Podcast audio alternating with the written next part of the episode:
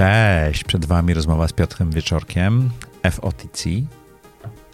Strasznie skomplikowana nazwa, ale tam to C to jest chmura, czyli cloud. Rozmawialiśmy z Piotrem o technologii.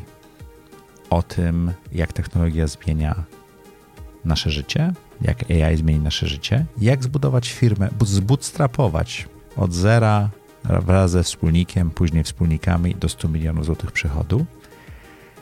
I rozmawialiśmy też o tym, jak być dobrym menadżerem. A co najciekawsze, Piotr jest politologiem, który zarządza spółką technologiczną. Czy to mu pomaga? Tego dowiecie się w odcinku. Zapraszam Was bardzo serdecznie.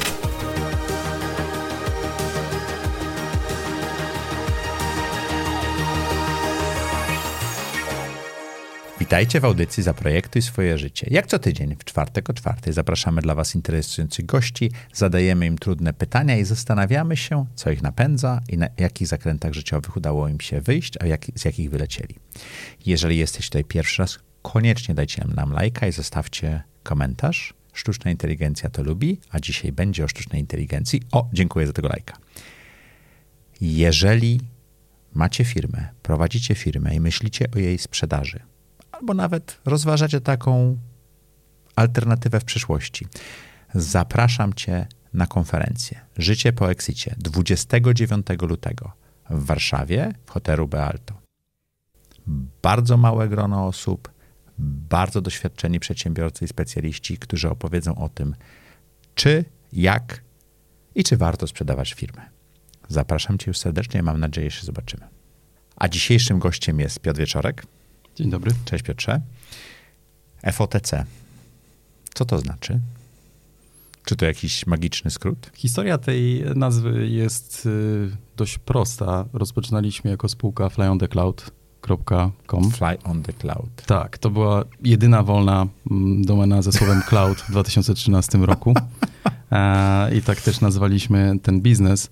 A, a w drodze, jak ten biznes się zmieniał i my jako firma mm, się transformowaliśmy, zmienialiśmy swoją ofertę i swoje podejście do rynku, mm, przychodziliśmy rebranding, no i tak skrót tych liter e, wolna pod, dom, domena.com. Podoba mi się z tą wolna domena.com, bo ja Masterhub, nasza społeczność to jest masterhub.pl, ludzie się pytają skąd ta nazwa, bo tak super pasuje domena była wolna. Tak. Więc absolutnie to rozumiem. Zrobiłeś biznes bootstrapując go, czyli zaczynając od własnych funduszy, nie szukając inwestorów, biznes, który ma ponad 100 milionów złotych obrotów w tej chwili po latach. Czy to była droga, którą polecasz? Doprecyzowując, zrobiliśmy.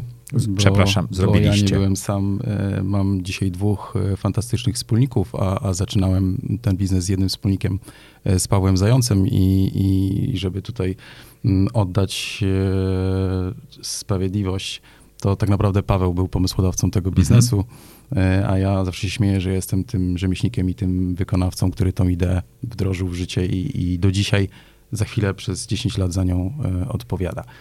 Odpowiadając na Twoje pytanie, czy, czy to była dobra droga i czy to był dobry pomysł, to trochę jest tak, że z perspektywy czasu mogę Ci powiedzieć tak, to był fantastyczny pomysł, bo zachowujesz kontrolę nad swoją organizacją, zachowujesz udziały, masz wpływ na to, co dzieje się w ale Twojej firmie. Ale to mówisz po 10 latach i przy 100 milionach obrotów. Po 10 latach, tak. Ale, A jak ale to na było starcie, na początku? Y, myślę, że trochę nie masz wyjścia. To też jest taka sytuacja, okay. bo 10 lat temu dostęp do kapitału i do finansowania biznesu był trochę inny niż teraz. Mhm.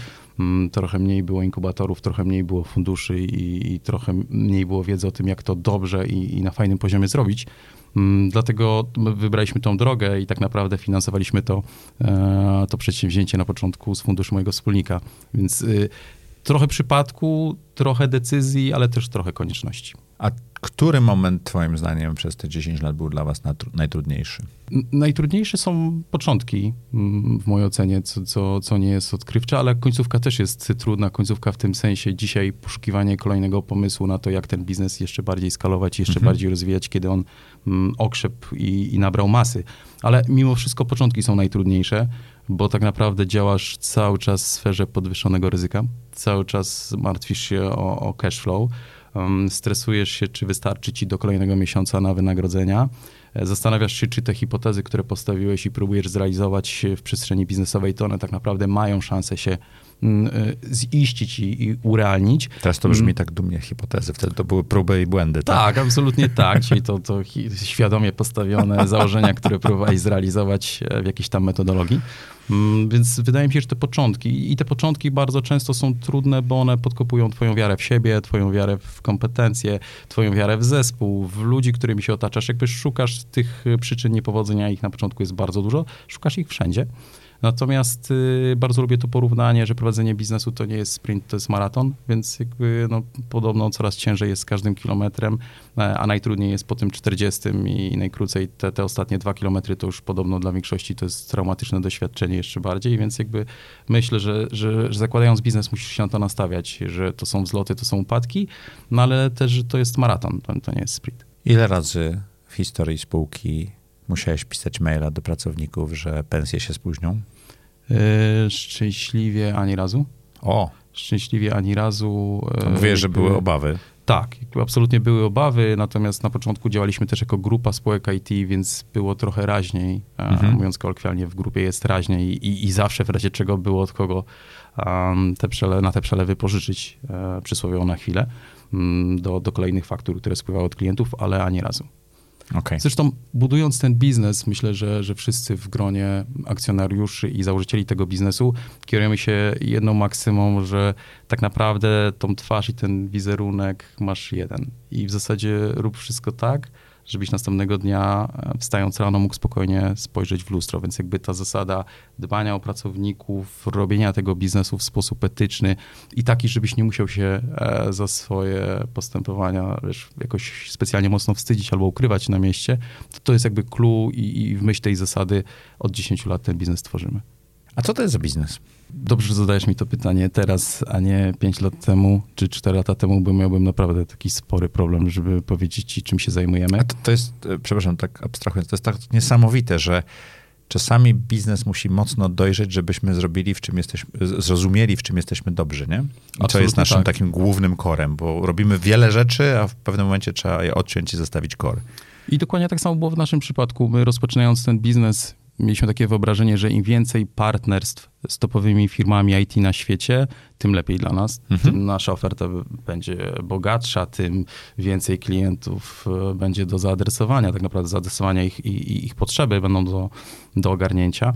E, dzisiaj z perspektywy czasu mam taką pewność, że w zasadzie specjalizacja i bardzo precyzyjne nakreślenie mm, tego, czym firma się zajmuje i z jaką ofertą wychodzi do rynku, zwiększa prawdopodobieństwo Twojego sukcesu.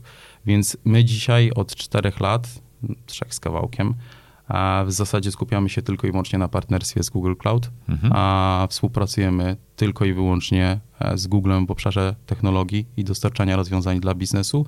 Mm, I w zasadzie mamy na tym punkcie obsesję. Tak najkrócej mógłbym obsesję, czym się zajmiemy.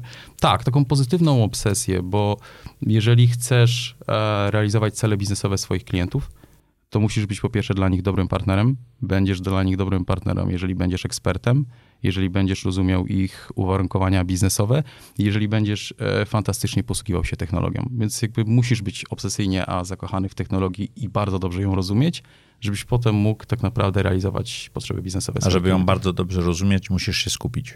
To jest tak. to, co mówisz, prawda? Tak, to tym bardziej, że dzisiaj wszyscy jesteśmy świadomi, że kompetencje, zwłaszcza w obszarze nowych technologii, w obszarze IT, bardzo dużo kosztują. Mhm. Więc jeżeli chcesz je realizować na bardzo dobrym poziomie, to musisz mieć bardzo dużo bardzo dobrych i często dość dobrze opłacanych e, pracowników i współpracowników. Mhm. Czego Piotr nauczył się w pierwszych trzech latach, drugich trzech latach i ostatnich tam trzech czy czterech latach prowadzenia spółki? Pierwsza, największa e, lekcja jest taka, że nie możesz traktować firmy jak rodziny. Jest często takie podejście, mhm. utożsamiamy firmę z czymś rodzinnym. Nasze dziecko. Nasze dziecko. Próbujemy wszystkich pracowników traktować i współpracowników i partnerów biznesowych trochę jak członków rodziny bardzo mocno opiekuńczo. I nie ma w tym absolutnie nic złego, bo jakby dbanie o, o, o pracowników jest dla ciebie priorytetem. Oni budują wartość twojej firmy. Mhm. Mm, oni realizują projekty. Tak naprawdę z tego, jak oni te projekty realizują, mm, wynika mm, postrzeganie twojej firmy, ale też szansa na realizację kolejnych projektów.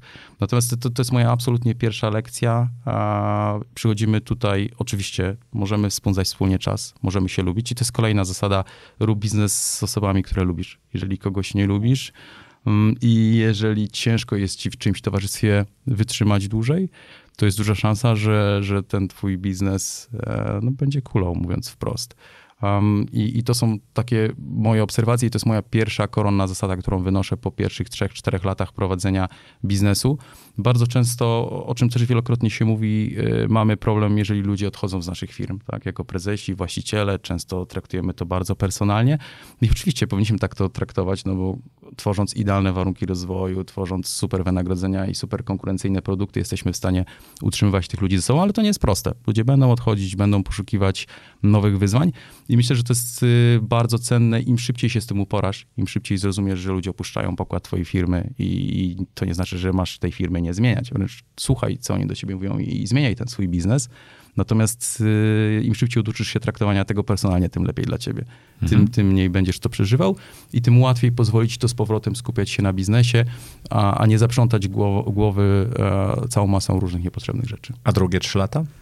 E, kolejne trzy lata takie, że w zasadzie w biznesie musisz wykorzystywać każdą nadarzającą się okazję e, i przynajmniej próbować ją wykorzystać. Mówię z perspektywy naszej firmy, my mieliśmy dwa momenty zwrotne w dziejach naszej historii. Że, jeśli to pompatycznie zabrzmiało, to bardzo przepraszam, ale w kwestii e, naszego biznesu pierwszym znaczącym okresem był COVID. COVID, mimo że był absolutnie dla świata swoistą katastrofą, mm, jakby ogromna liczba osób, która ucierpiała, która już dzisiaj po tym świecie nie chodzi. Dla większości firm był to ten moment, kiedy już nie było odwrotu, albo się transformujesz i dostosujesz się do, do pracy w sposób cyfrowy, w sposób zdalny tu i natychmiast, albo twój biznes nie, nie przetrwa. I dla firmy taka jak nasza, która dostarcza rozwiązania do e, komunikacji, do poprawy przepływu informacji, do poczty e, mailowej, to był absolutnie jeden z bardzo mocno przełomowych momentów, który, który wykorzystaliśmy i pozwolił nam rozwinąć się bardzo mocno. E, drugim takim momentem, była sytuacja, my współpracując z Googlem i tworząc to partnerstwo z Googlem od początku zajmowaliśmy się rozwiązaniem, które nazywa się Google Workspace. Bardzo wiele osób korzysta, poczta biznesowa dla firm. E, Google, mówiąc wprost, dołożył do swojej oferty cały kawałek chmury publicznej. I to był ten moment, który dla nas był kolejnym momentem zwrotnym. OK, jeżeli pojawia się tak fantastyczne narzędzie i tak fantastyczny set narzędzi, rozwiązań, infrastruktura, która niesie ze sobą tyle możliwości i adresuje ogromny rynek. No to są wydatki przez firmy na, na chmurę publiczną liczone w miliardach e, dolarów na najbliższe kilka lat, e, to tak naprawdę to był dla nas ten moment. Albo go wykorzystamy i zaczniemy się w tym specjalizować, budować kompetencje i dzięki tym rozwiązaniom mm, dostarczać i adresować potrzeby biznesowe naszych klientów, albo nie. I my te dwa momenty, wydaje mi się, Czyli bycie takim, branie wiatru w żagle, jak wieje. Tak, tak, niektórzy mówią kolokwialnie łap zajączka, mhm. różne są, są na to nazwy, natomiast no, w biznesie mm, nie chcę powiedzieć, że to jest takie trywialne, ale jest, no musisz być czujny, cały czas musisz być czujny i poszukiwać swoich kolejnych szans i swoich kolejnych okazji. Możesz tego nie robić, natomiast y, wtedy w tym wypadku najprawdopodobniej twój biznes będzie rozwijał się normalnym, spokojnym tempem, a nie na przykład podwajał swoje przychody rok do roku. Mhm. Ostatnie trzy lata? Y, ostatnie trzy lata to jest znowu lekcja, że, że biznes to jest ciężkie przedsięwzięcie. Znowu? E, tak. Im... Czyli nie, wyluzo- nie dało się wyluzować po y, tych sześciu, siedmiu latach? Pewnie się da. Ka- każdy z nas ma inny charakter. Ja okay. mam problem czasami z tym, żeby A co ciężkiego wyluzować. się teraz stało? Znaczy, ja rozumiem, że się sfokusowaliście, odpuściliście niektórym tak. dostawcom i tak dalej, to, to zrozumiałem, ale co takiego ciężkiego się Mo, stało? Może nie ciężkie, natomiast y, im więcej rzeczy robisz, im więcej tematów dotykasz, mhm. tym na koniec dnia więcej decyzji musisz popełnić. A nie zawsze te decyzje są łatwe, nie zawsze one są bezpieczne. Czasami, jak w każdym biznesie, podejmujesz ryzyko. No i im więcej decyzji popełniasz, y, tym więcej ryzyk musisz y, kalkulować, które za tymi decyzjami stoją. Ty podejmujesz wszystkie decyzje? Yy, może nie wszystkie, bo w naszej organizacji budujemy taki model, w którym nasz management ma bardzo dużo przestrzeni na podejmowanie mhm. decyzji. I tak naprawdę do ciebie trafiają te decyzje, w których to ryzyko już jest największe i których... Takie już naprawdę trudne, tak? To nie jest nieoczywiste. Może tak. Lepsze słowo to jest to, które, które ty zaproponowałeś, nieoczywiste decyzje. Mhm. E, no i wtedy tak naprawdę podejmując te decyzje, po pierwsze bierzesz na klatę wszystkie konsekwencje tych decyzji, bo musisz tą decyzję popełnić i być gotowym na to, że tak naprawdę potem ewentualnie po tej decyzji musisz posprzątać albo ją zmodyfikować. Mhm.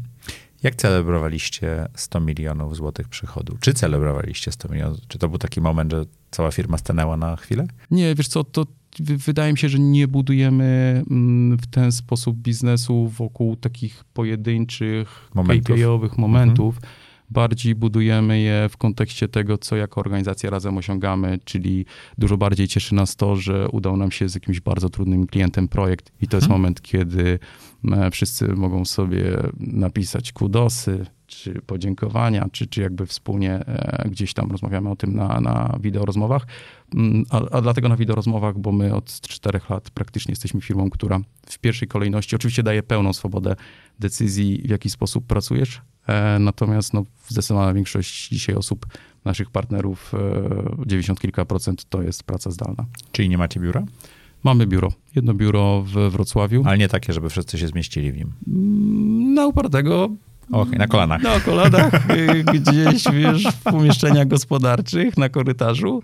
Mm, ale, ale jakby z naszej perspektywy to też była bardzo świadoma, zaplanowana decyzja, która oczywiście ma różne swoje perturbacje i konsekwencje, mm, ale tak, jesteśmy taką, taką organizacją, więc jakby odpowiadając na twoje pytanie, y, ta celebracja to raczej budowanie takiej, takiej, powiedziałbym, wspólnoty i takiej wspólnej satysfakcji, niż skupianie się na tym, czy to jest taka kwota, czy taka, czy to jest okay. jakiś tam parametr na koniec dnia to i tak y, sprowadzając to do perspektywy partnerów, to, to jest bardzo wtórne pracowników. Mam nadzieję, że podoba Ci się ten odcinek. Jak wiesz, moim celem, moim marzeniem i moim wyzwaniem jest dostarczanie Tobie wiedzy i motywacji, abyś mógł być przedsiębiorcą, abyś mógł rozwijać się. Szukamy niesamowitych gości, znajdujemy ich i próbujemy znaleźć tematy, dzięki którym można się uczyć i motywować. Pracujemy z całym zespołem nad produkcją i dystrybucją tych odcinków, a dzięki partnerom możemy to robić bezkosztowo dla Ciebie. Partnerem audycji jest MobileMed. Chcesz wesprzeć zdrowie swoich pracowników?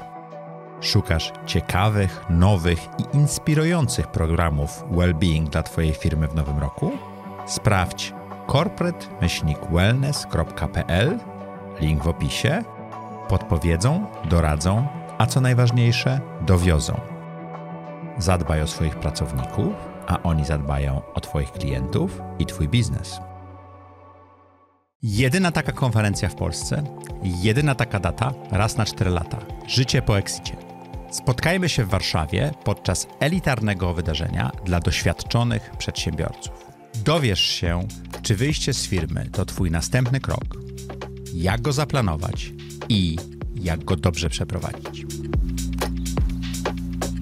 Usłyszysz również o tym, jak ludzie, którzy sprzedają firmy, mądrze inwestują swoje pieniądze. Z praktykami i ekspertami porozmawiasz o efektywnych metodach exitu i o Twoich możliwościach po jego zrealizowaniu. Pozbądź się wątpliwości, czy, jak, czy w ogóle sprzedawać Twoją firmę. Zyskaj sprzymierzeńców i przygotuj swój plan. Spotkaj dojrzałych przedsiębiorców, takich jak Ty, i nawiąż z nimi relacje w kuluarach. Być może relacje na całe lata. Widzimy się na konferencji Życie po Exicie 29 lutego w Warszawie. Taka data tylko raz na 4 lata. Do zobaczenia. Mam takie trudne pytanie, może politycznie niepoprawne, ale ja lubię takie pytania. E, zostaliście partnerem roku Google'a e, mhm. za 2022 rok, tak? Dobrze pamiętam? Mm, tak, może to w 2023 przyznano, ale, ale za, za, za, poprzedni rok. Drugi, tak, zgadzam się. I ja zawsze jak patrzę na takie firmy jak twoja, które opierają się efektywnie na jednym dostawcy, który stanowi core, mhm. rozumiem to, tą technologię, zrozumienie i tak dalej, tak dalej, to też widzę olbrzymie ryzyko. Ryzyko tego, że duża korporacja zmieni swój sposób monetyzacji tego, co sprzedajecie, w tym wypadku chmury, czy sposobu działania, e, czy sposobu wynagradzania i cały model biznesowy wasz może w ciągu kilku godzin runąć? To jest bardzo dobre pytanie. I, y, jeszcze, jeszcze go nie zadałem, A, ale, ale, nie, ale to już... To jest to, to, bardzo dobre pytanie. Jak sobie z tym radzicie, to jest to pytanie. Żeby to było bardzo jasne i bardzo klarowne, absolutnie jesteśmy świadomi tego ryzyka. Natomiast budując biznes, tak my na to patrzymy, że tak naprawdę kładziesz na stole wszystkie ryzyka i popełniasz jakąś decyzję. Nie możesz zrobić wszystkiego, możesz zrobić jakąś część rzeczy. Mm, z naszej perspektywy e, podjęcie tylko i wyłącznie ekskluzywnej współpracy z chmurą Google'a, publiczną i rozwiązaniami chmury Google'owej, położyliśmy na stole wszystkie ryzyka i bardzo skrupulatnie je oszacowaliśmy. I dziś, po czterech latach, mogę powiedzieć tak, że ta firma, gdyby nie ta decyzja, w życiu nie byłaby w tym miejscu. W życiu nie mielibyśmy takiej grupy klientów, mhm. w życiu nie mielibyśmy takiego poziomu przychodów, e, zysków, takiego, takiej klasy inżynierów, sprzedawców, jakichkolwiek innych osób byś dzisiaj nie wymienił, bo nie będę całej organizacji wymieniał. Mm, w życiu nie bylibyśmy w tym miejscu. I była to bardzo świadoma decyzja, oczywiście obwarowana takim ryzykiem, o którym mówisz, że z dnia na dzień może ci się twój biznes wywrócić. Natomiast y, musimy też wziąć wszystkie inne znaki na niebie, na ziemi, dostępną wiedzę, żeby takie ryzyko popełnić. Pierwszym takim znakiem w naszym przypadku jest to, że dzisiaj Google jest bardzo wiarygodnym partnerem i oczywiście jest bardzo dużą korporacją, która może zrobić wszystko.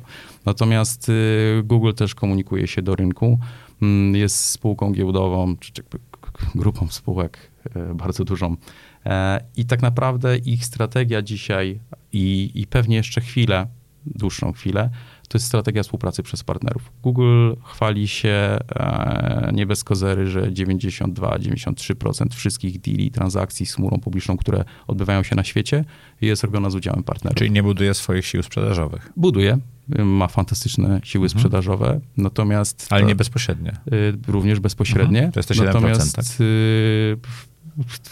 Zależnie jak licząc, y, nie, nie odpowiem ci na to pytanie, mhm. czy to jest 7. E, możemy z grubsza pewnie tak policzyć. Natomiast y, przede wszystkim myślę, że dużo szybciej, dużo sprawniej, tym bardziej, że trzeba też uwzględnić jeden parametr. Dzisiaj Google nie jest największą chmurą, póki co mhm. Jest trzecią, czwartą, w zależności gdzie i jak sprawdzasz według których badań.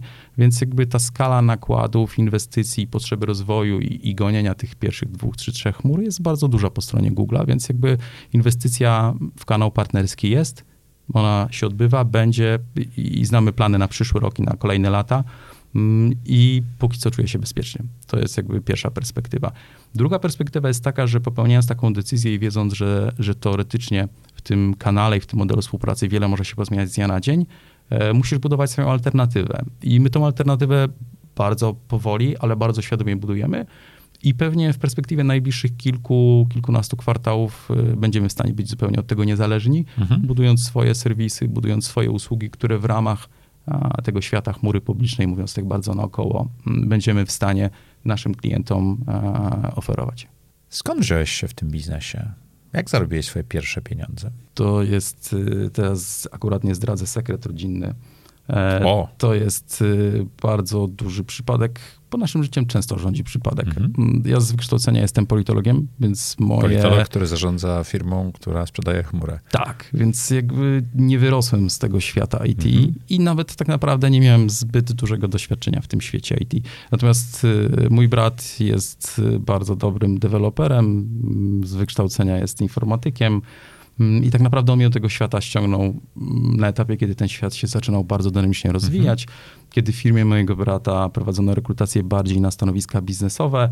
No, no, i wprost mówiąc, ja dostałem tam pracę. Mój brat, tak jak to wtedy było, i jeszcze pewnie była w wielu firmach, otrzymał za to bonus, no bo była osoba z polecenia. Natomiast ja w ten sposób poznałem swojego przyszłego wspólnika. Więc jakby ciąg bardzo różnych przypadków, bardzo różnych zdarzeń. To była pierwsza praca w swoim życiu? Nie, to nie była moja pierwsza mhm. praca, ale wcześniejsze moje 7-8 lat to jest praca na przysłowiowym etacie, nie praca na swoje. Co robi politolog na etacie? To jest kolejne bardzo dobre pytanie. E, to też Mieliśmy być... tutaj w ofie przed e, nagraniem właśnie troszeczkę e, narzekanie na to, że nie da się zaparkować, bo my jesteśmy bardzo blisko wiejskiej, Sejm obraduje, mhm. show jest na YouTubie, można oglądać. Tak. Ma, mam dalej takie zboczenie i podglądam to, co dzieje się w polskim parlamencie, czasami z lekkim obrzydzeniem, ale jednak no, te, tego, tego nie wyrzucisz z siebie. E, na tym też wyrosłem i, wiele lat spędziłem ucząc się o tym, jak ta polityka... To co robiłeś zanim trafiłeś do technologii? Wiesz co, to, to kolejne fantastyczne zajęcie. Ja byłem generalnie przez wiele lat produkt managerem mhm. i co ciekawe zarządzałem elektronarzędziami. To też jest o. E, kolejne fantastyczne doświadczenie, które pokazało mi, e, że branża budowlana jest wymagająca. W której firmie? E, wolałbym, chociaż to chyba nie jest tajemnicą. Ja pracowałem dla też spółki giełdowej, firma Koelner, teraz Roplak. Mhm. Fantastyczne doświadczenie, bo ogromna firma, pewnie w tamtym czasie z dużą ilością chaosu, więc wiele światów, marketing, sprzedaż. I to też w jakimś stopniu chyba pozwoliło mi potem dużo łatwiej zarządzać organizacją. To było bardzo dobre doświadczenie. Czyli doświadczenie z 8 lat pracy, czy tam ponad prawie mhm. dekadę pracy w różnych innych firmach e, pomogło ci zbudować taki warsztat menedżerski chyba, nie? Chyba tak, bo jakby ja dzisiaj mam takie założenie, mm, jeżeli chodzi o bycie prezesem, o bycie liderem, że ważne, żeby ten lider czy ten prezes nie przeszkadzał. Bardzo o. istotne jest to, żebyś stwarzał swoim zespołom, swoim teamom miejsce trochę do eksperymentowania, oczywiście w granicach rozsądku, e, trochę do niezależności, trochę do kłótni, mm, ale na koniec dnia dobrze, gdybyś często był w roli tego, który usuwa przeszkody, bo te zespoły naprawdę potrafią sobie świetnie dawać radę. Natomiast nie ma nic gorszego niż odtwarzanie wizji kogoś, kto ci tą wizję narzucił. Dużo mhm. przyjemniej, dużo szybciej, dużo sprawniej realizujesz wizję, z którą się utożsamiasz, e, realizujesz cele, które tak naprawdę sam albo w jakimś stopniu partycypowałeś w stawianiu tych celi na kolejny kwartał czy, czy, czy na kolejny rok. I my nie zawsze, tak jest oczywiście, ale w taki sposób próbujemy budować organizację. To daje większości osób dużo swobody w działaniu. Oczywiście sprzyja popełnianiu błędów, e, co naturalne, ale też można budować mechanizmy, które pozwalają te błędy eliminować, minimalizować bądź potem je poprawiać. Natomiast też sprzyja bardzo mocno właśnie budowie kultury pracy zdalnej no bo wtedy tak naprawdę to nie jest organizacja i firma kontrolująca, tylko to jest firma, która buduje kulturę umawiania się na terminy, na dowożenie konkretnych projektów, chociaż nie będę czarował i, i z tym czasami mamy problemy. Mhm. Jak chyba każdy. Kolejne niełatwe pytanie. Powiedziałeś y, celebrowanie y, sukcesu z trudnym klientem. Kto to jest trudny klient? Tych, tych definicji jest kilka. A, i, to najtrudniejszy klient do tej pory. Najtrudniejszy. Bez imienia, nazwiska. Mm, wiesz co, najtrudniejsi klienci, ja, ja wrzucam ich do kategorii wszystko wiedzący. Jakby, mhm. Mm, ja, ja, nie twierdzę, że moja organizacja ma monopol na wiedzę. Natomiast y, czy, czy, czy, czy na super znajomość technologii, bo jest na rynku wielu, którzy znają ją często dużo lepiej, albo jeszcze lepiej potrafią z, zaprząc ją do pracy pod potrzeby biznesowe klientów. Natomiast y, ważne jest to, czy klient partner e, potrafią się nawzajem słuchać. I, I, dla nas najtrudniejszy klient to jest klient niesłuchający. To jest taki klient, który przychodzi z jedyną słuszną, gotową receptą. A my, Wdróżcie mi to. A tak? my po 15 czy 20 analogicznych wdrożeniach wiemy, że to nie ma szans powodzenia. I, i, I często jest takie pytanie, no dobrze, to zarabiamy te pieniądze i realizujemy tą nierealizowalną wizję, czy na tym etapie mówimy pas, nie będziemy podejmować się mm, tego typu wyzwań. Tym bardziej, że nierzadko są to bardzo wysokie i bardzo duże i bardzo intratne kontrakty mhm. z tej perspektywy. Natomiast już na starcie obarczone tym, że kolejne 12 miesięcy to będzie gehenna. Więc pytanie, czy ty na to jesteś gotowy, czy, czy w tym czasie nie lepiej współpracować z kilkoma mniejszymi, albo mniej przekonanymi o swojej wiesz, boskości. wyjątkowości, boskości um, organizacjami. Czy bycie generalistą w firmie technologiczne e, jest lepsze niż bycie specjalistą, jeżeli się nią zarządza? No bo ty jako politolog i osoba, która nie kodowała, nie robiła mhm. tego typu rzeczy, no tak rozumiem, e, tak. masz trochę inne spojrzenie na biznes niż osoba, która siedzi w tej technologii bardzo głęboko. Zgadza się. Ma to swoje plusy i ma to swoje minusy. Obserwuję firmy, które, zaprzyjaźnione firmy, z którymi znamy się od lat, spotykamy się przy okazji różnych wydarzeń branżowych, bo branża jest dość znana, e, przewidywalna i jakby wszyscy gdzieś przy okazji różnych wydarzeń się, się mijamy. I, i znam firmy, które zarządzane są przez osoby e, z bardzo mocnym backgroundem technicznym, które w zasadzie wyrastały bardziej e, z, z, z ról technicznych, czy, czy wręcz z wykształceniem technicznym. Mm, i, i w tamtych firmach jest bardzo mocny, albo w zasadzie główny nacisk na przykład tylko i wyłącznie na technologię. Gdzieś giną, nie, oczywiście generalizuję teraz bardzo mocno, ale, ale to jest jakieś moje wyobrażenie o rynku. Ma to mm, dużo plusów, no bo faktycznie jesteś ekspertem i faktycznie ta osoba, która mm, rządzi organizacją, nadaje ton jej rozwoju technologicznego, kolejnych technologii, czy jakby kolejnych obszarów, bo mówmy się, że chmura to jest temat rzeka i możesz rozwijać się naprawdę w wielu mhm. obszarach. Mm, I to na pewno ma plus, bo jest to w rękach osoby, która zarządza organizacją i jest w stanie dosyć dobrze rozdzielać priorytety. Gdzieś wtedy w tych organizacjach, to, to też znowu moja obserwacja, nie zawsze, ale zdarza się, ginie czy znika ten aspekt biznesowy. A jakby z perspektywy naszej organizacji, my wyrośliśmy jako organizacja, która na przykład od początku bardzo mocno stawiała na marketing i promowanie firmy. Mhm. I byliśmy firmą partnerską, która nierzadko miała większy zespół marketingu tutaj lokalnie w regionie niż, niż Google e, w tamtym mhm. czasie czy w danym okresie. E, no bo z naszej perspektywy pozyskiwanie leadów, e, growth hacking, SEO było absolutnie czymś kluczowym, priorytetowym, rozwój social mediów, kanału YouTube'owego, więc jakby wychodziliśmy przed szereg w tym obszarze. No, natomiast znowu mamy dzisiaj na pokładzie osobę, która zarządza technologią i nadaje kierunek rozwoju tej technologii i nie jestem to ja. Mm, I bardzo dobrze można to połączyć, więc jakby każdy model, e, każdy model ma rację bytu. Um, oczywiście zupełnie inne są wyzwania, um, natomiast jak pokazuje chyba nasz przykład, można to połączyć. Chociaż czasami przyznam bardzo szczerze, że doskwiera mi w dyskusji z zespołem ten brak wiedzy, brak backgroundu i tu nie chodzi o to, że musisz przewracać oczami i udawać, że wiesz o czym wszyscy właśnie rozmawiają na spotkaniu, chociaż tak czasami też się zdarzało, mm, nie będę ukrywał. Natomiast y, jakby na takim bardzo wysokopoziomowym obszarze jesteś w stanie jako osoba biznesowa rozumieć technologię, rozumieć do czego ona służy, identyfikować trendy, Natomiast no, mimo wszystko musisz mieć absolutnie bardzo mocny team techniczny, który za tym stoi, bo bez tego nie dasz sobie rady. Czy to nie jest trochę tak, że wtedy widzisz las i drzewa ci nie zasłaniają, jak nie do końca masz tą super głęboką wiedzę techniczną? To prawda i, i coś w tym jest, że, że wtedy ta twoja uwaga, może nie dostrzegasz czasami tych gór lodowych i, i dobrze, bo je po prostu omijasz mm, i w nie nie wpływasz szczęśliwie. Naturalnie pracujesz nad biznesem, a nie w biznesie, bo biznes jest skomplikowany technologicznie, tak? Często, bardzo często tak. Natomiast, y, no, żeby biznes się rozwijał, ktoś ten kierunek musi wyznaczyć, mhm. jakiś kapitan i musimy wszyscy próbować do niego dowiosłować. Mhm. Pogadajmy o chmurze. Przy Bardzo czym uprzedzam, proszę. ja jestem po nastu latach w Delu. Serwer w biurze jest lepszy niż serwer gdzieś tam nie wiadomo gdzie.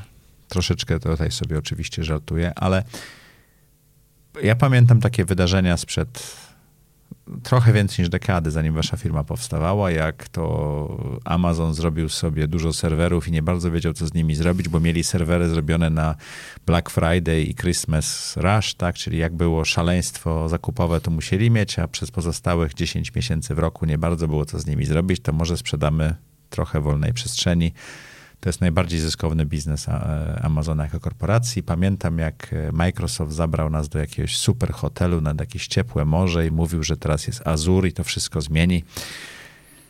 Byliśmy tam wśród e, chyba wszystkich głównych producentów e, z krajów Europy i tak popatrzyliśmy na siebie, aha. No i rzeczywiście tak jest, ale czy nie jest tak, samo bycie w chmurze może być niewystarczające, że posiadanie jednak swojego hardware'u jest ważne, czy posiadanie kilku rozwiązań. Były takie momenty, że jakaś serwerownia gdzieś tam, powiedzmy we Francji się spaliła i serwisy w Polsce nie działały, tak? To, tego typu fakty. O co chodzi z tą chmurą? Dlaczego Google inwestuje pieniądze w Polsce? Dlaczego Microsoft inwestuje miliardy w Polsce? Dlaczego te wszystkie firmy decydują się po pierwsze na Polskę, gdzie ta energia jest jednak e, nie tak zielona, ale jest zimno w zimie.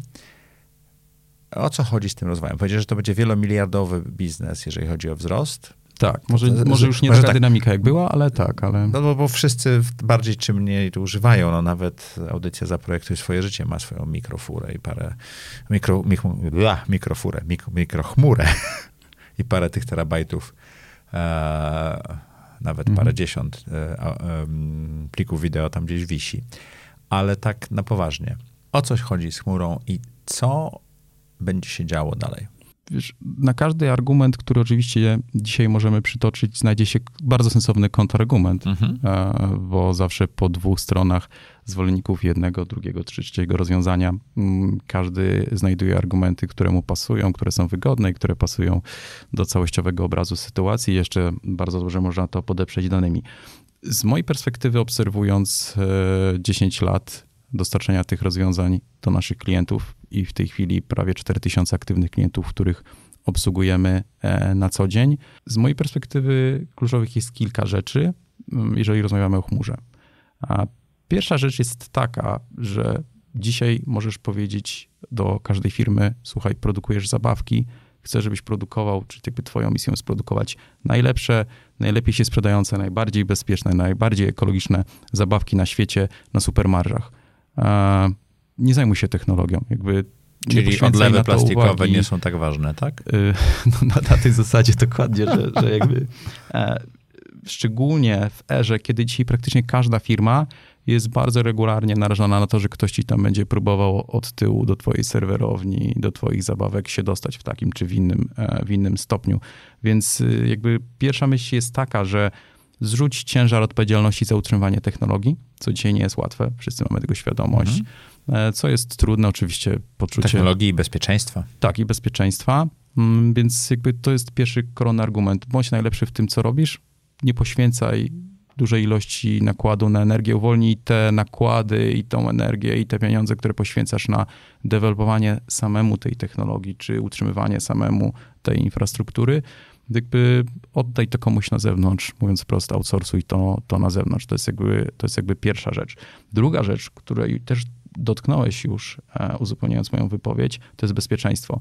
Tak naprawdę wiem, że, że moglibyśmy o bezpieczeństwie znowu rozmawiać godzinami, natomiast w mojej ocenie, gdyby to tylko ode mnie zależało, to ja wolałbym oddać to bezpieczeństwo jednej, drugiej, trzy, trzeciej czołowej firmie, która wykłada na to miliardy złotych znowu, żeby ta infrastruktura była bezpieczna i, i naprawdę zabezpieczona na światowym poziomie, niż robić to samemu we dwóch, we trzech i jakby codziennie powtarzać tą, tą pracę. Chociaż I niekoniecznie mieć, mieć tą samą wiedzę, którą ma gigant, prawda? Absolutnie tak, więc dostajesz jakby trzeci argument – drugi argument. A, a dla mnie trzeci argument y, to, to, to jest ten, który. To, to często o tym zapominamy, bo to stało się już bardzo oczywiste, ale dzisiaj wydaje mi się, że dzięki chmurze, serwisom i usługom, które dostajemy od Amazona, Google'a, mm, Azura, tak naprawdę dzisiaj każda mała firma rozpoczyna swój wyścig o rynek, rozpoczyna swój wyścig o może wielką światową karierę unicorna, mając dostęp do tych samych technologii, do których mają dostęp giganci. Za kilka dolarów miesięcznie. Dokładnie tak, mhm. więc jakby możesz dzisiaj wystartować ze swoim rozwiązaniem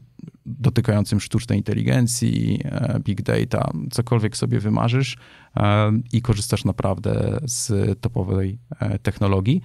A, a czwarty argument, który akurat nie ja, ja bardzo lubię i, i, i, on jakby bardzo dobrze pasuje dzisiaj do czasów, które mamy za oknem.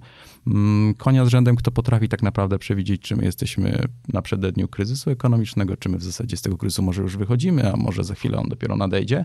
Mm, bardzo lubię, kilka naszych, kilku naszych klientów mówi, że chmura jest dla nim dokładnie tym, co jakby doskonałą odpowiedzią na to, co nieprzewidywalne, bo w zasadzie dzisiaj korzystam i płacę, a jutro nie korzystam i nie płacę. Więc w zasadzie ty swoją infrastrukturę możesz w dowolny sposób skalować, bo tak naprawdę w modelu pay dość szybko. tak, dość szybko płacisz za to, co tak naprawdę wykorzystujesz i na drugi dzień odpinasz kartę, bądź likwidujesz swój rachunek billingowy i nie ponosisz tych kosztów. Nie zostajesz z tą stertą maszyn pod biurkiem, mówiąc bardzo kolokwialnie, więc jakby z, z naszej perspektywy przede wszystkim firmy mogą się bardzo łatwo skalować, ale też bardzo szybko e, pójść w dół.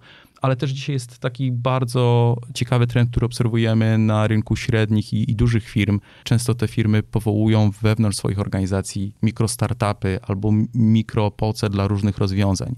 I dzisiaj, mając chmurę, możesz bardzo łatwo przetestować dany koncept i sprawdzić, czy on ma rację bytu znowu, nie inwestując na infrastrukturę jakichś gigantycznych ilości środków, tak? Czyli weryfikujesz bardzo szybko w startupowym podejściu, takim bardzo zwinnym, czy ten koncept ma rację bytu, czy ten nowy pomysł na linię biznesową faktycznie ma dla nas znaczenie.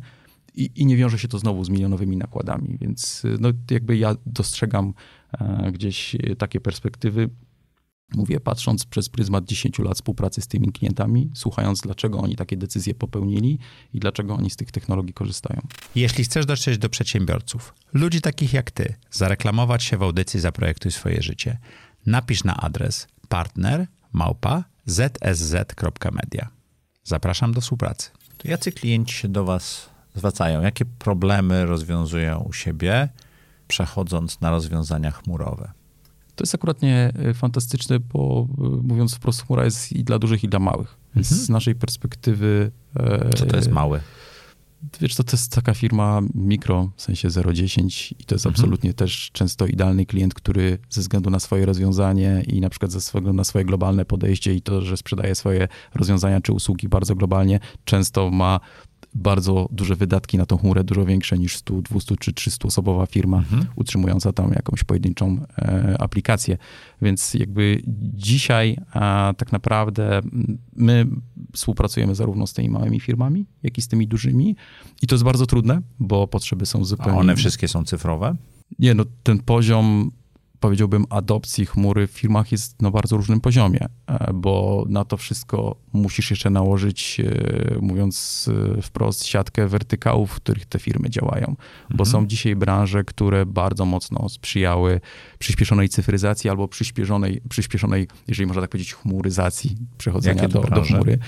Tak naprawdę dzisiaj świat w takim ładnym worku, używając angielskiej nazwy digital natives, to mhm. był taki idealny świat, gdzie chmura była bardzo szybko wybierana jako technologia Czyli pierwszego e-commerce, E-commerce, SASy. SASy, dokładnie. Cała masa startupów, która marzy o karierze unicornów, mhm. no bo tam próg wejścia był bardzo niski, a próg wyjścia też jest dość prosty.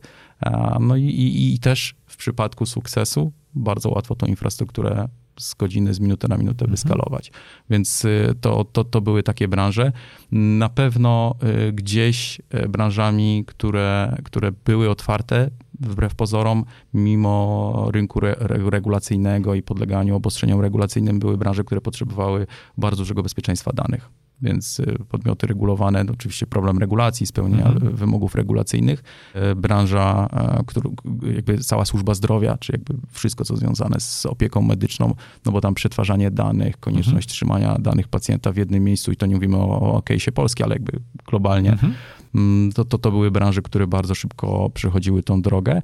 Obszar produkcji przemysłowej. Tak naprawdę produkcji? dzisiaj, tak, no tak naprawdę dzisiaj e, wiele firm poszukuje optymalizacji dla logistyki, dla procesów produkcji, dla szybszego wykrywania usterek w fabrykach, e, czy jakby przeglądów serwisowych. I gdzie tam chmura działa? Bo na przykład e, dzisiaj, jeżeli masz na przykład turbiny wiatrowe, to dużo łatwiej A. jest robić zdjęcia i te zdjęcia przetwarzać i dużo szybciej potencjalnie przechwytywać potencjalną awarię na horyzoncie, niż wzdrapywać się na każdy maszt, tam wchodzić i serwisować każdy Ja miałem bardzo sztukę. ciekawą rozmowę kiedyś, pracowałem z takim inkubatorem British Petroleum właśnie a propos turbin. Oni zakładali mikrofony e, mhm. na korpusach tych turbin właśnie, które mierzyły wibracje i mhm. rodzaj dźwięku i to im mówiło, że turbina za tam 147 godzin będzie potrzebowała wymiany mhm. jakiejś tam mhm. uszczelki czy, czy, czy, koł, czy czegokolwiek innego, bo bo, bo, uczyli się właśnie w ten sposób, nie? Tak, no a jeżeli jeszcze możesz to przepuścić przez uczenie maszynowe i porównywać to z wcześniej zebraną mhm. bazą to jest dokładnie wiedzy. To zrobili. I, I wtedy bardzo szybko dostajesz bardzo precyzyjne komunikaty. A takie, rozumiem, że branże usługowe, takie jak turystyka, zaczęły to też wykorzystywać, produkcja, czy też przemysł też. A które branże są twoim zdaniem może jeszcze do tyłu, ale tak w mhm. przededniu pełnej digitalizacji, także będą potrzebowały mhm. i chmury, i digitalizację procesów. Wiesz co, tak szczerze, to wydaje mi się, że dzisiaj nie ma już takiej branży, że nie możemy wskazać takiego e, po prostu tego z ostatniej ławki. Jakby jeżeli dzisiaj twoja firma nie jest napędzana przez technologię, albo przynajmniej nie masz tego bardzo istotnie na swojej agendzie, to możesz być pewny, że za chwilę pojawi się startup, albo ktokolwiek z twojej konkurencji scyfryzuje sposób, w jaki dzisiaj podajecie usługę na rynek. I za I zostaniesz, Tak, i zostaniesz kilka długości za, więc dzisiaj to też fantastycznie pokazuje przy okazji procesu wyboru chmury, czy jakby decydowania się na tą czy inną chmurę, jak dużo osób w organizacji dzisiaj w ten proces jest zaangażowane, jak jest to istotny proces dla firmy, jeżeli firma decyduje i podejmuje tą decyzję, o. że dzisiaj y, często było tak, że za wyborem technologii w organizacji stało IT. No i Czyli to było się do misia, a potem ten miś nazywał się CTO, tak? I, I, to była ta rozmowa, tak? Tak, ja tego nie powiedziałem, Mi, bo miś, ja... Miś to Management and Information Services, dobrze, to się kiedyś tak nazywało. Dobrze, Baczku, że ty to mówisz, bo ja potem z tymi wszystkimi ludźmi jeszcze rozmawiam, więc to ty A ja już jestem poza branżą, więc mogę, mogę być e, tutaj, nie, wiesz, tak żartobliwy. śmieszkując, faktycznie duża i dzisiaj też oczywiście ogromny wpływ na wybór technologii, E, ma zespół IT i osoby, które są blisko tej technologii albo blisko tej technologii będą, czy tą technologią będą finalnie zarządzać i administrować. Natomiast coraz częściej e, zaczyna dominujące znaczenie mieć biznes bo to ten biznes przychodzi i kładzie na stole swoje potrzeby biznesowe. Czyli nawet nie się... dyrektor finansowy, który mówi, że to będzie taniej, czy prezes, że to należy robić, tylko biznes, który mówi, że tego potrzebujemy, tak? No biznes, dyrektor finansowy też jest personą, z którą musisz to skonsultować. No, ktoś, oczywiście, ktoś oczywiście, tą, ale ja pamiętam, że były takie momenty, jak myśmy sprzedawali technologię czy chmurę, że się szło do dyrektora finansowego i tłumaczyło mu, że to rozwiązanie będzie x procent tańsze i to załatwiało sprawę. Jest to dzisiaj też jeden ze scenariuszy, który dalej funkcjonuje, no nie powiem, że nie. Natomiast y, krąg osób, które podejmują decyzje na czele z zarządem jest coraz większy. No jakby coraz częściej dzisiaj zarządy y, firm mamy zaangażowane w ten proces decyzyjny i, i zarządy, czy jakby ludzie, którzy przewodzą organizacją, rozumieją, że to jest jakby niezbędna decyzja dla rozwoju ich biznesów, taka czy inna, czy hybryda, czy, czy, czy, czy chmura, czy w ogóle brak chmury, no to też jest decyzja, tak? Możesz dalej pozostać na rozwiązaniach on-premisowych i to też jest jak najbardziej ok, jeżeli pozwala ci to realizować twoje cele biznesowe. A rozwiązania hybrydowe? Czy one mają sens? Czyli mhm. hybrydowe to znaczy, że mamy serwer w firmie i mamy też chmurę i one między sobą wymieniają dane i tak dalej. Y, absolutnie tak. No, zresztą wiele badań potwierdza. One też potrafią obniżyć koszt, jeżeli mamy pewien taki stały poziom potrzeb procesorów mhm. czy, czy dysków. Tak, będzie to zdecydowanie bardziej ekonomicznie efektywne niż mhm. all-in. E, natomiast no, to jesteśmy ci e, absolutnie według wszystkich badań i cyfr e, w samym środku z jednej strony multicloudowości, czyli podejścia, w którym korzysta się z więcej niż jednego dostawcy mhm. chmury, mm, po to, żeby chociażby nie skazywać się tylko na jedne ceny i tylko na jednego dostawcę, co zrozumiałe z perspektywy. Ale też zabezpieczyć się przed właśnie takim pożarem serwerowni, tak? Tak, chociaż myślę, że ci przy skali um, całej trójki czy czwórki dostawców, czy nawet piątki, to, to, to skala tych serwerowni, kolokacji jest tak duża, że jeden pożar niewiele specjalnie zmienia. Mhm to dosyć łatwo te dane odtworzyć w innym miejscu od ręki. E, zresztą tak też stanowią wszystkie SLA dostawców e, chmurowych. Mm, więc to, to jest jeden, jeden z pomysłów. E, natomiast no, jakby utrzymywanie, to jest bardzo powszechne, że część infrastruktury utrzymujesz u siebie, tylko poszczególne elementy wyrzucasz do chmury. Zresztą ta, ta droga do chmury, ona nie jest prosta. Gdybym ci przyszedł tutaj i powiedział ci, że to jest bardzo proste i możemy to zrobić bardzo szybko, to tak to nie działa. Czemu? I, do, ponieważ... Przecież jakby... włączam sobie serwis, podłączam się i mam. Tak, natomiast y, wiesz, no jakby za stosowaniem tych usług idzie też zmiana sposobu, w jaki często podajesz produkty na rynek, szybkości podawania tych usług, więc musisz pozmieniać też procesy, a procesy to ludzie, a my ludzie nie zawsze zmieniamy się mhm. szybko i nie zawsze chętnie decydujemy się na zmiany, no bo wygodnie nam jest w tym środowisku, które znamy i tak jak jest, jest jakby e, bardzo, bardzo wygodnie, no, no po co coś zmieniać. Chmura to już jest przeszłość. Trochę pieśń wczorajsza. Ona, znaczy ona już jest, mhm. wszyscy jej używamy i tak dalej. Świat w ciągu najbliższej dekady diametralnie się zmieni. Mhm. Pierwszą ofiarą sztucznej inteligencji był Salt, Sam Altman, który został zwolniony z pracy. W międzyczasie zdążył wrócić, ta saga się rozwija. AI zmienia bardzo mocno to, to, jak będziemy robili biznes. My jeszcze nie do końca to rozumiemy. Chat GTP, GPT to nie jest AI. To jest, znaczy to jest Large Learning Model, to jest jedna z opcji, ale to nie jest to. Jak Twoim zdaniem te usługi, w tym chmurowe i to, jak musimy się, do, bo, bo im więcej będzie AI, tym więcej będzie potrzeba procesorów i dysków, mhm. żeby to przetworzyć, żeby przetworzyć modele językowe, czyli to, co, czym jest GPT, potrzeba bardzo dużo procesorów. Na to szły te setki milionów dolarów, tak? Już miliardy chyba. Dokąd zmierzamy? Jak biznesy powinny się do tego przygotowywać? Jak my jako przedsiębiorcy czy mali 10 osób, czy zatrudniający setki osób, musimy myśleć o tym, co się będzie działo w ciągu najbliższej dekady. Bo to będzie zmiana dużo większa niż GSM czy www, tak? Czy mhm. nawet e-commerce. Ja szczęśliwie nie mam e, takiej kuli, którą bym tutaj wyciągnął Oj, i przewidział prawdziwy scenariusz. E, I, I, dobrze, bo dzięki temu życie jest ciekawsze. E, ale, ale, ale myślę, że, że warto dotknąć e, kilku wątków i kilku sugestii, które można wykorzystywać i, i, i można dotykać. Jakby przede wszystkim z jednej strony masz grupę osób, które krzyczą, że to jest dla naszej. Pierwszy raz człowiek ma prawdziwego takiego przeciwnika, który zakończy naszą cywilizację. I jest, i jest grupa. Jest to możliwe, ale mało prawdopodobne. Jest, ale jest grupa, i to dosyć znamienitych osobistości, e, które takie predykcje szykują. Jest mhm. druga grupa, która wskazuje, że odtąd nasze życie pewnie będzie dużo przyjemniejsze, dużo dłuższe, bo znajdziemy wiele rozwiązań na problemy zdrowotne, mm, rozwiniemy się jako, jako cywilizacja, więc pewnie jak gdzieś jestem w tej, tej dyskusji pośrodku e, i lubię takie to podejście stoickie, że, że z jednej strony obserwuję i poszukuję korzyści, które ta technologia niesie dla biznesu, natomiast bardzo też szanuję sobie takie podejście pragmatyczne. I z podejścia pragmatycznego jest jeden problem, jeżeli chodzi o biznes. E, tak naprawdę no, prawa autorskie i to wszystko, co wytwarzamy z wykorzystaniem sztucznej inteligencji, czy jak ostatnio w jednej z dyskusji usłyszałem jeszcze na tym etapie bardziej uczenia maszynowego niż sztucznej inteligencji, chociaż no to, to jeszcze jest, jesteśmy tak, gdzieś pomiędzy. Gdzieś dokładnie, więc jakby z tej perspektywy firmy mają duże wyzwanie, no bo jak te wytwory pracy, dobra, pomysły, koncepcje monetyzować, kto ma do nich prawa i tak naprawdę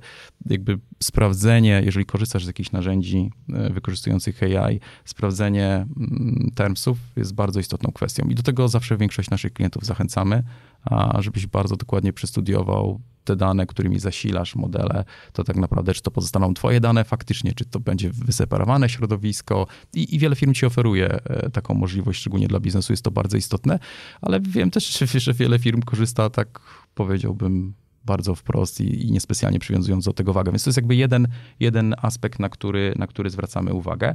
E, więc to myślę, że każda organizacja musi albo jakimiś swoimi regulaminami, albo politykami mhm. dosyć dobrze doprecyzować, zanim dane twojej firmy w którymś jednym czy drugim modelu e, będą funkcjonować, czy dane twoich klientów, bo takie sytuacje już się dzisiaj I wypłyną. Zdarzały. Jeżeli załadujesz dane swojej firmy chociażby do OpenAI, tak, twój... no to nie ma, Dokładnie, niekoniecznie te dane nie będą dostępne, jak tylko przesuną tą datę E, do przodu, prawda? Zgadza którą się. mają logującą. A, a, z drugiej strony myślę, że i do tego też zachęcamy e, większość firm do budowania jakiejś swojej wewnętrznej polityki, czy laboratorium, czy jakichkolwiek podejść, w których twoi pracownicy, twoi partnerzy będą mogli tej technologii dotykać.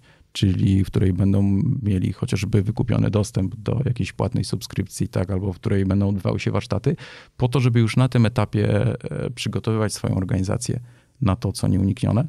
Mm, I też po to, żeby budować już kompetencje, ale też po to, żeby zachęcać e, swoich e, pracowników do eksperymentów, tak, no, do poszukiwania większej wydajności. No bo zdajemy sobie dzisiaj wszyscy sprawę, że z reguły jako ludzie jesteśmy trochę bardziej leniwi niż pracowici w jakiejś tam części. No więc poszukiwanie skracania czasu na wykonanie jednego czy drugiego zadania z wykorzystaniem chociażby AI czy automatyzacji, no to jest dobry kierunek. A nikt tego tak dobrze nie zrobi, jak, jak pracownicy twojej firmy, którzy dzięki temu zaoszczędzą kilka godzinek. Tym bardziej, że jest taka przerażająca statystyka, że organizacje w zeszłym roku 12% całego swojego czasu wykorzystały na robienie rzeczy, które już mają w firmach zrobione, tylko dlatego, że nie miały automatyzacji, albo tylko dlatego, że wielokrotnie powtarzamy te same czynności, wykorzystując interfejs, mówiąc wprost, białkowy. Co się stanie z interfejsem białkowym, jeżeli AI będzie tak wszechobecne, jak jest w tej chwili E, komórka czy e-commerce. Mhm. Ja absolutnie nie, nie, nie, nie mam kompetencji, żeby e, na to pytanie Ale bardzo odpowiedzieć. E, z mojej perspektywy, mm, człowiek zawsze znajdzie swoje miejsce, więc jakby znajdzie się miejsce dla nas wszystkich, to, to już dzisiaj pojawiają się stanowiska pracy związane z obsługą, e, z moderowaniem i całą masą różnych innych czynności, które gdzieś około będą się pojawiać, więc na pewno czeka nas znowu jakaś duża rewolucja na rynku pracy.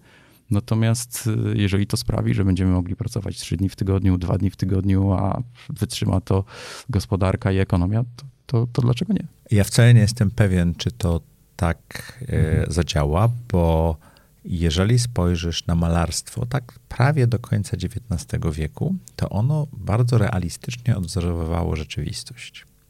Pojawia się fotografia, pojawia się kubizm, dadalizm, mhm. pojawia się Picasso, pojawia się Dali. I fotografia zajmuje się odwzorowywaniem rzeczywistości, a artyści tworzą coś zupełnie innego.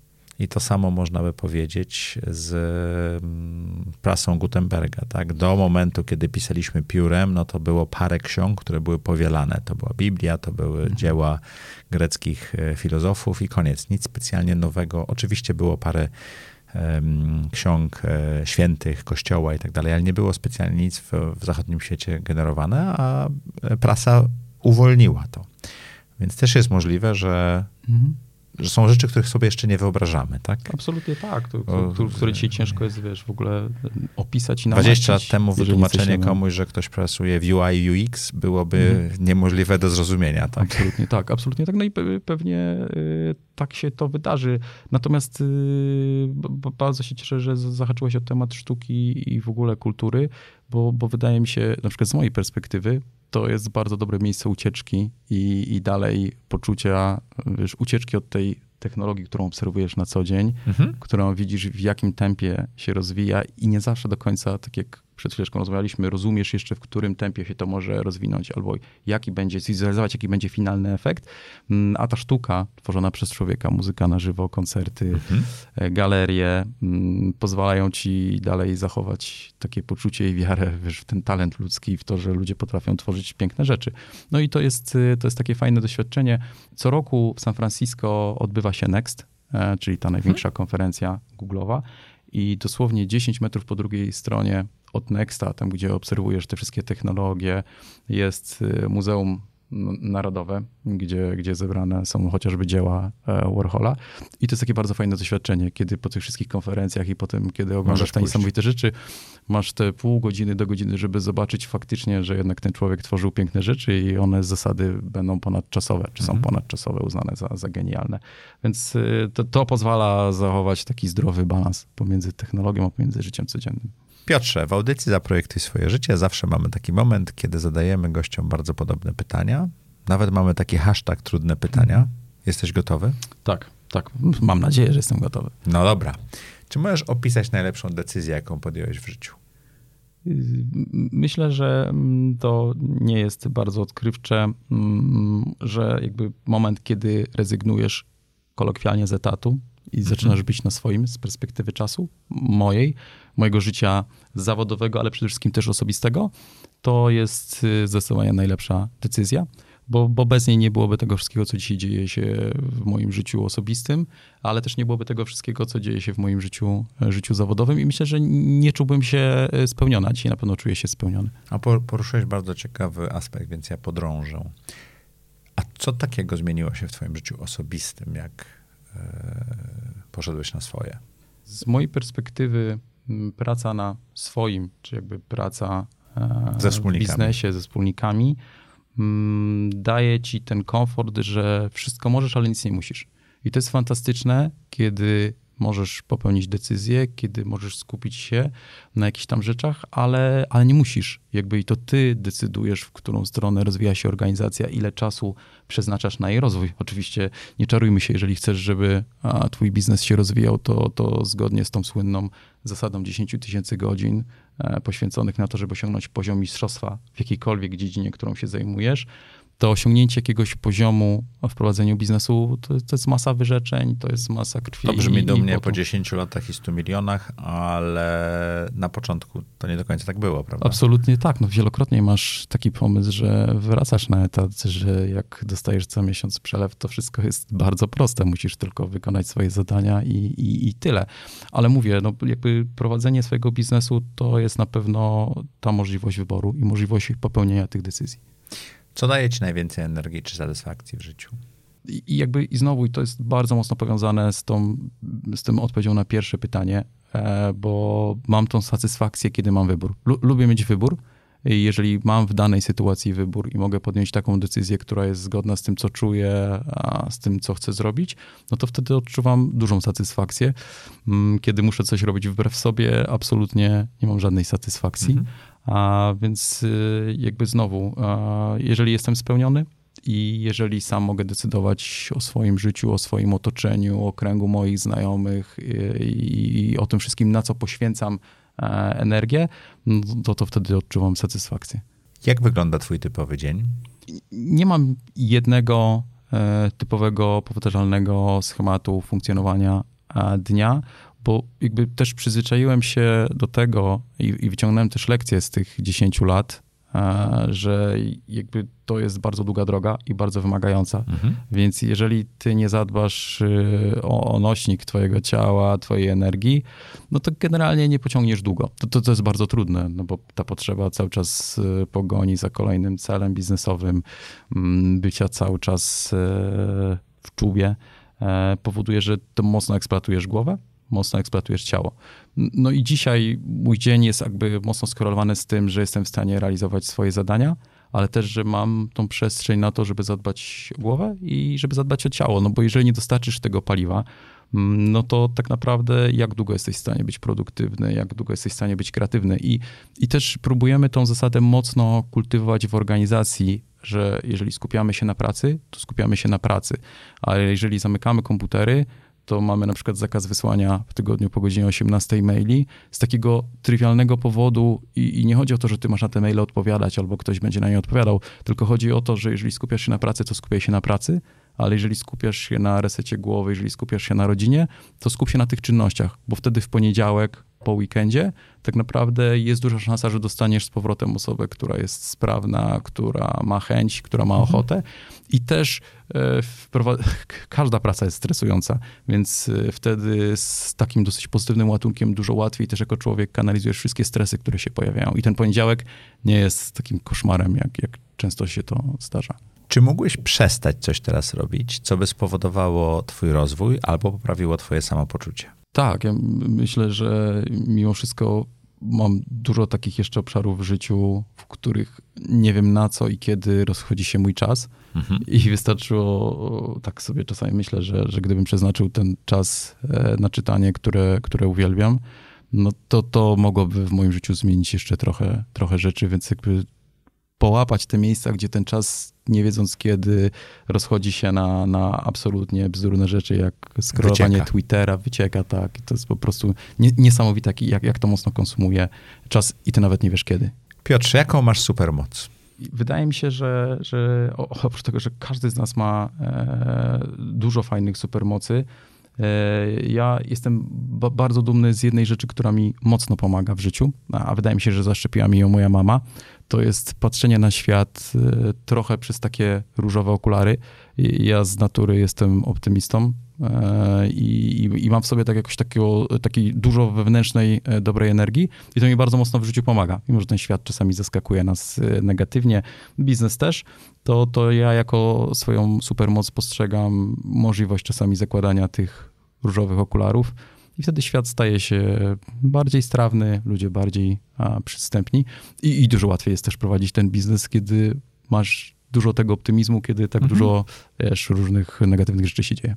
Ludzie, którzy nas otaczają, mają na nas olbrzymi wpływ. Im bliższy krąg wokół nas, tym więcej tego wpływu jest. Odbijamy od nich idee, budujemy nasze idee i z tych rozmów tworzą się.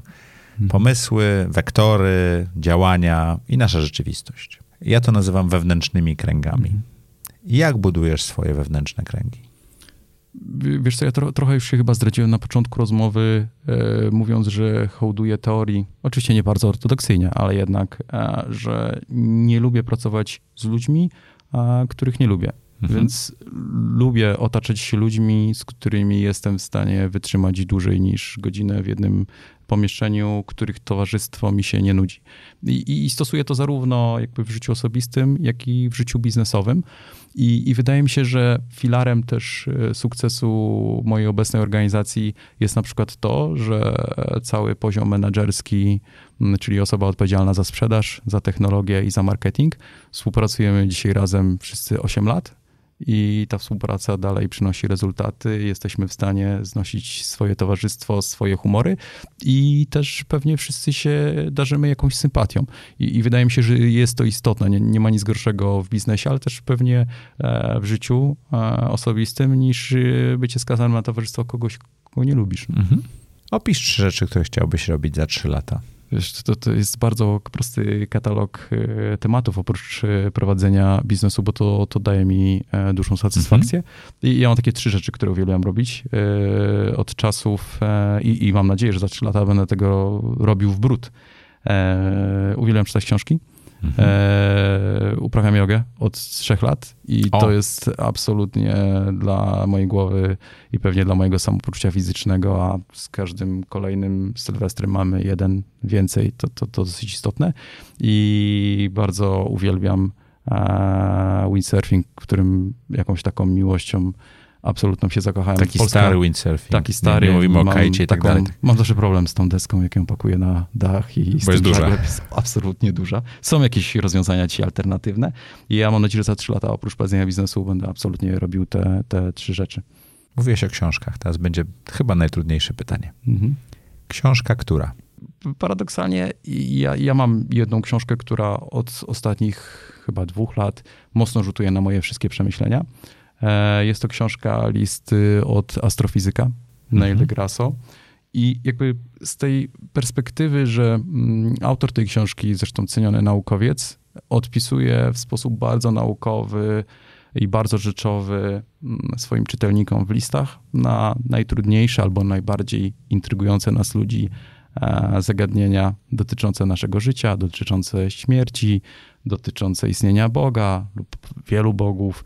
Mm, I, i, I, to jest jakby dla mnie absolutnie kwintesencja dzisiaj mojej filozofii życiowej, która w tych listach pewnie jest wykładana, spojrzenia na świat, spojrzenia na, na, na naszą rolę jako ludzi w tym świecie, no i też na różne inne e, trudne pytania, które każdy z nas pewnie sobie codziennie zadaje i poszukuje w tym życiu e, sensu, jakiegoś celu. A co chciałbyś, żeby widzowie i słuchacze audycji Zaprojektuj swoje życie zapamiętali z naszej rozmowy? Wiesz, wiesz co, ja mam jakby jedną radę y, dla wszystkich, bo, bo pewnie wszyscy będą w biznesie, ale też w życiu naoglądaliśmy się całej masy różnych zachowań e, i, i różnych podejść. Jakby ja hołduję jednej zasadzie i, i pewnie świat byłby piękniejszy, gdyby mm, ta zasada miała mm, większą rzeszę fanów.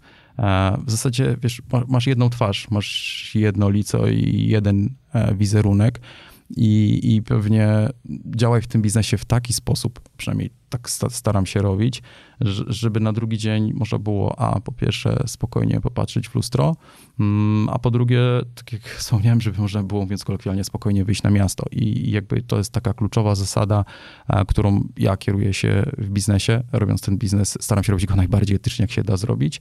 E, I, i wszystkim potencjalnie e, adeptom, potencjalnie młodym przedsiębiorcom, ale też tym starym wyjadaczom e, serdecznie rekomendowałbym trzymanie się tej zasady, bo wtedy te biznesy będą się rozwijać, my wszyscy będziemy w stanie wspólnie funkcjonować, a świat będzie piękniejszy. Dziękuję Ci bardzo. Bardzo dziękuję. Dziękuję Wam i jak co tydzień w czwartek o czwartej spotykamy się w audycji Zaprojektuj swoje życie.